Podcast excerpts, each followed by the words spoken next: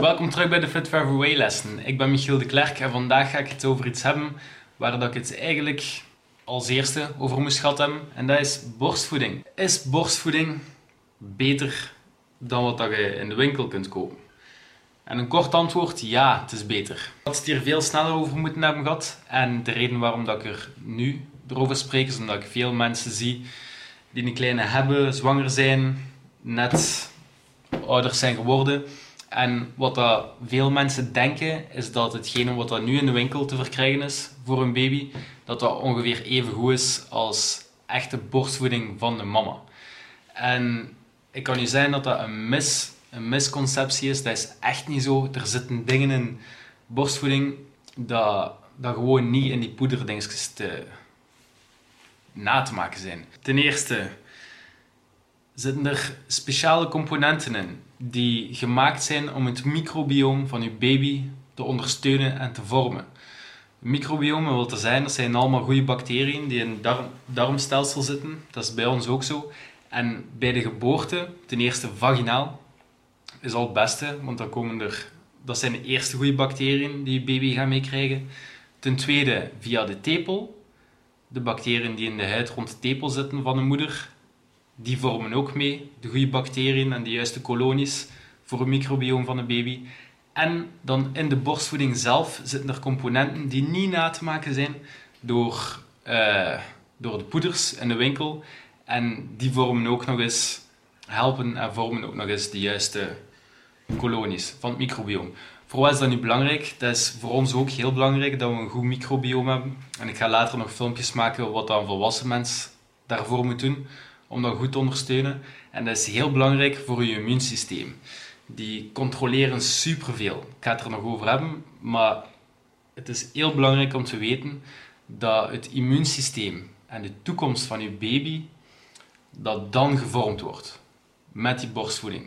En die bacteriën en die componenten die alleen in die borstvoeding te verkrijgen zijn. Dat is al een eerste goede reden. Een tweede goede reden is dat ze ontdekt hebben dat er stamcellen in borstvoeding zitten. Net zoals bij um, die componenten die zorgen voor het microbiome, wisten ze vroeger niet.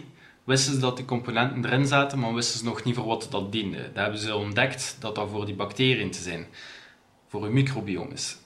Nu hebben ze ook ontdekt dat er stamcellen in die borstvoeding zitten. En het is nog niet 100% duidelijk voor wat dat het dient, maar ze hebben al kunnen aantonen, met te vergelijken met dieren, dat het zou dienen bij de vorming van verschillende organen, zodat die gewoon beter werken later. Ja, zo simpel is het. Ten derde, als je geen borstvoeding geeft, heeft je kind drie keer zoveel kans om allergieën te hebben tegen zijn tweede jaar, tegen dat het twee jaar is. En ook astma. De vierde, en dat heeft waarschijnlijk ook met je microbiome te maken, is als dat goed gevoed wordt, hebben ze ook later is aangetoond dat ze later 44% minder kans hebben om eczeem te krijgen als ze tiener zijn. Nog iets heel interessants. Als de mama, jullie weten ook, hopelijk, dat als je een infectie krijgt van het een of het ander, dat je lichaam daartegen vecht en voor altijd daar immuun tegen is geworden. Wat is er nu daar interessant aan? Als de moeder bepaalde infecties krijgt, zelfs voor de zwangerschap, dan zwanger wordt, die kleine heeft, dat door borstvoeding te geven, dat ze die immuniteit meegeeft aan haar baby. Super toch? Dat kun je in de winkel krijgen. Nee. En dan het derde is dat er drie soorten stofjes in zitten die belangrijk zijn voor de groei van het brein van je baby.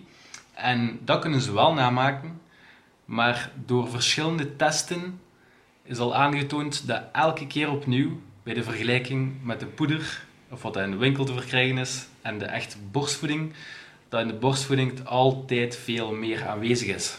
Ik ben zelf geen vrouw, ik ben een vent, ik ben ook geen ouder, dus ik kan niet weten hoe moeilijk dat is om borstvoeding te geven. Maar ik hoop dat het duidelijk is dat je het echt moet proberen en moet proberen vol te houden. En ik weet niet hoe lang je borstvoeding moet geven. Ik heb al dingen gelezen tot twee jaar. Maar in mijn ogen, zolang dat je normaal een flesje zou geven, geef dan borstvoeding. Ik hoop dat het interessant was. Uh, ik ga hier nog een deel 2 over maken. Van wat dat belangrijk is als je um, denkt aan een kind te maken. Wat dat belangrijk is om te doen, daarvoor en tijdens. Ik weet nog niet of dat het volgende filmpje gaat zijn, maar het komt binnenkort. Ik zie jullie later. Leef lang, leef gezond En ze vriendelijk tegen iedereen.